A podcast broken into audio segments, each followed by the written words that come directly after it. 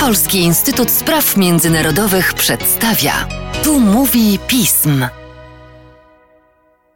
Tu mówi pism. Przy mikrofonie Mateusz Józwiak, a wraz ze mną Kinga Dudzińska, analityczka oraz ekspertka Polskiego Instytutu Spraw Międzynarodowych do spraw państw bałtyckich i nordyckich. Cześć Kingo. Cześć Mateusz. Szanowna Kingo, sytuacja na Ukrainie sprawia, że coraz więcej państw zastanawia się nad kwestią poprawy swojej polityki obronnej i bezpieczeństwa.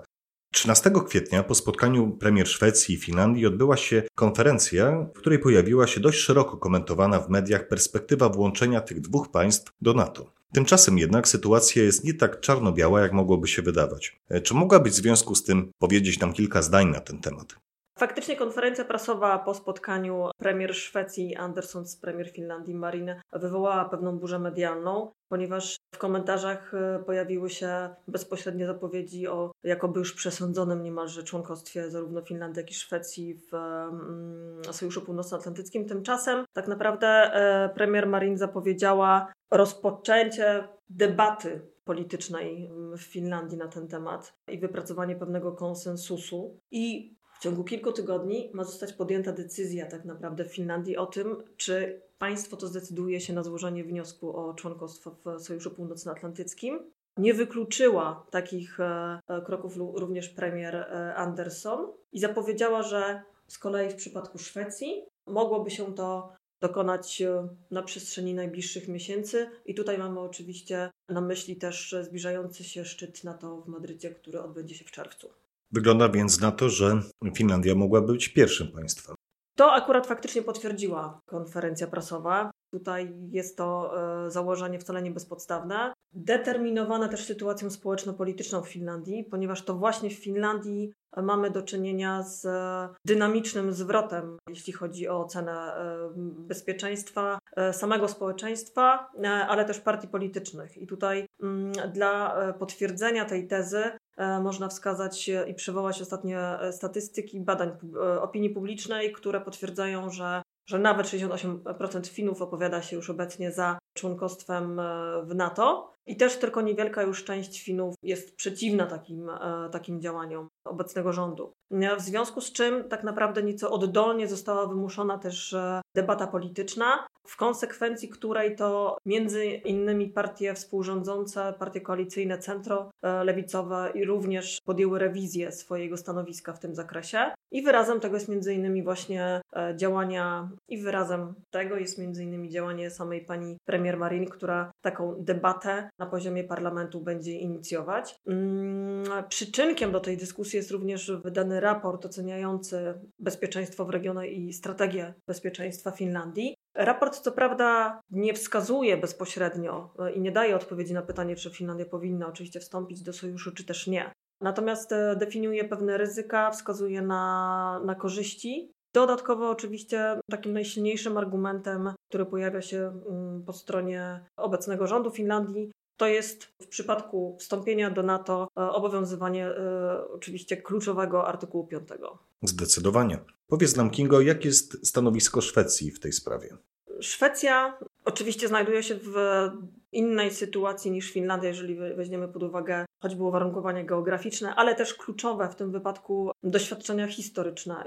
Natomiast e, no, Szwecja nie może nie zająć stanowiska w tym wypadku, kiedy zostałaby jedynym państwem e, poza NATO w przypadku niepodjęcia, czy niepodjęcia kroków w tym kierunku. To jest jeden argument, który się pojawił w debacie publicznej politycznej, ale jednocześnie też do tej pory bardzo mocno przeciwni członkostwu NATO socjaldemokraci, którzy obecnie rządzą w Szwecji, z której to partii wywodzi się oczywiście pani premier Anderson, sama zmieniła swoje stanowisko w tej sprawie. I również w czasie trwania wizyty pani premier Marin w Sztokholmie socjaldemokracja szwedzka wydała oświadczenie o rewizji swojego stanowiska, co wiąże się też e, z rozpoczęciem debaty o ewentualnym członkostwie e, Szwecji w NATO. Przy czym sytuacja jest nieco bardziej skomplikowana niż w Finlandii, ponieważ obecne badania opinii publicznej wskazują na nieco ponad 50% poparcie pośród Szwedów a dodatkowo elementem i czynnikiem warunkującym podjęcie kolejnych kroków jest fakt, że na jesieni, a dokładnie we wrześniu, odbędą się wybory parlamentarne. Sytuacja polityczna z kolei w Szwecji też nie jest e, na tyle jednoznaczna, aby móc bardzo klarownie przewidzieć e, kolejne kroki w najbliższym czasie. Tym bardziej, że Szwedzi są e, przyzwyczajeni do wypracowywania dość długo pewnego konsensusu politycznego. W sytuacji, kiedy socjaldemokraci będą walczyć o głosy, bo liczą na to, że władze utrzymają, szczególnie, że w badaniach opinii publicznej ich poparcie rośnie, no jednakże centroprawica ma również nadzieję na z kolei powrót, powrót do władzy. W związku z tym będzie wiele zależało od tego, czy i na ile premier Anderson albo tak naprawdę socjaldemokraci, pośród których samych nie ma jednoznaczności co do, co do stanowiska i, i ewentualnego przyszłego członkostwa Szwecji w NATO, czy zdecydują się na przyspieszenie pewnych decyzji, właśnie by uniknąć tego, żeby ewentualnie stał się ten temat e, jednym z problemów rozstrzyganych podczas kampanii wyborczej, bądź też właśnie ze względu na wybory pewne decyzje zostaną odroczone w czasie. Kingo, pozostaje więc zadać Ci ostatnie pytanie związane z tym, jak wyglądają reakcje zarówno Sojuszu Północnoatlantyckiego, no i głównego oponenta w tej sytuacji, a więc Rosji.